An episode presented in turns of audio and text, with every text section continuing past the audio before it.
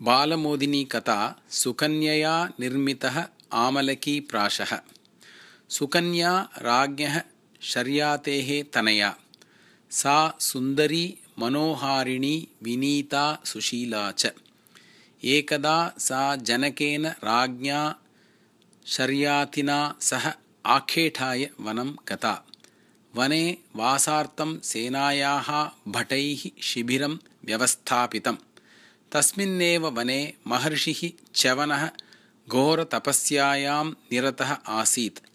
तपोनिरतः सः मुनिः इह प्रपञ्चबोधरहितः आसीत्। तं परितः मृद्राशिः एव दृश्यते स्म।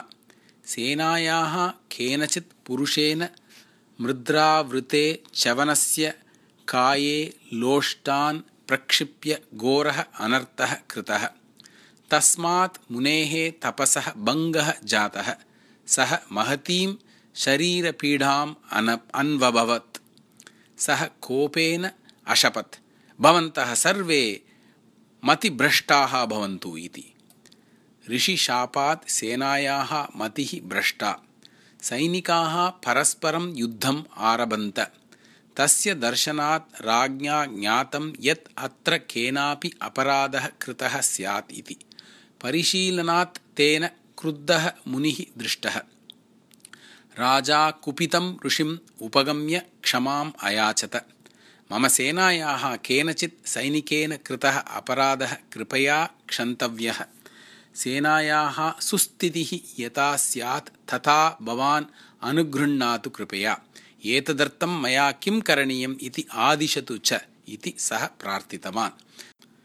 तदा मुनिः अवदत् मम शरीरं क्षतविक्षतं जातम् अस्ति। अतः मम सेवायै भवतः पुत्री मह्यं दातव्या इति। शर्यातिः एतद्विषये पुत्र्याः अभिप्रायं पृष्टवान्। पुत्री सर्वजनहिताय एतं विवाहप्रस्तावम् अनुमतवती। ततः शर्यातिना स्वपुत्री च्यवनाय दत्ता। तस्मात् सर्वे परस्परयुद्धे रताः सैनिकाः प्रकृतिस्थिताः बभूवुः।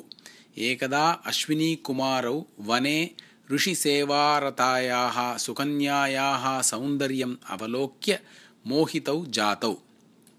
ताभ्यां सा कथिता। किम् एतस्य वृद्धस्य मुनेः सेवया? आवां स्व स्वः तरुणौ रूपसम्पन्नौ च।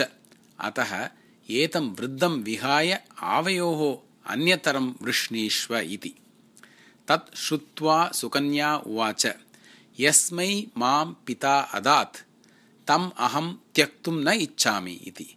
तस्याः वचनेन तां पतिव्रतां विज्ञाय अश्विनीकुमारौ प्रसन्नौ बभूवतुः। वृद्धाय पत्ये आमली आमलकीप्राशं खादनाय दीयतां तेन भवत्याः पतिः युवा भवेत् इति निगद्य तौ ताम् आमलकीप्राशनिर्माणविधिं कथयामासतुः। ततः सुकन्या आमलकीप्राशं निर्माय तं पत्ये अयच्छत्। तस्य सेवनेन सः ऋषिः च्यवनः विगतविकारः अभवत्। प्रतिदिनम् आमलकीप्राशं भक्षयित्वा सः युवा अपि बभूव। ततः आमलकीप्राशः चवनप्राशनाम्ना प्रसिद्धः अभवत्।